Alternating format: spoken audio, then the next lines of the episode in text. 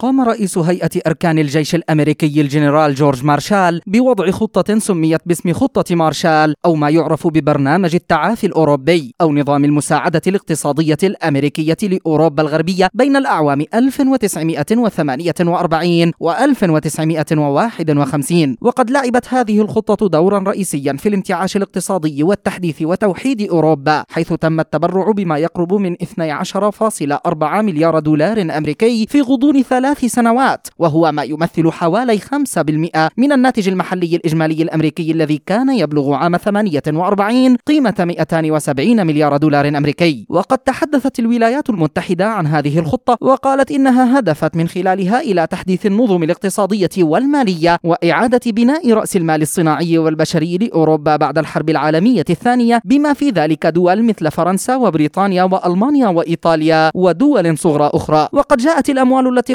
قدمتها أمريكا لأوروبا الغربية على شكل مساعدات ولم يكن المال قرضا ولم يكن هناك سداد. وقد اقتصرت الخطة على دول أوروبا الغربية وذلك بعدما منع جوزيف ستالين رئيس الاتحاد السوفيتي أي من الدول التابعة لسيطرته آنذاك من المشاركة في هذه الخطة. وهناك الكثيرون ممن اعتقدوا أن هذه الخطة كانت تهدف إلى ضمان أن لا تتأثر الدول الأوروبية بالاشتراكية آنذاك أو السماح للسوفييت بالتدخلات الاقتصادية في ظل المنافسة الشرسة بين السوفييت الذين يمثلون الاشتراكية من جانب وبين الولايات المتحدة الأمريكية التي تمثل الرأسمالية من جانب آخر. مجد النوري لشبكة أجيال الإذاعية.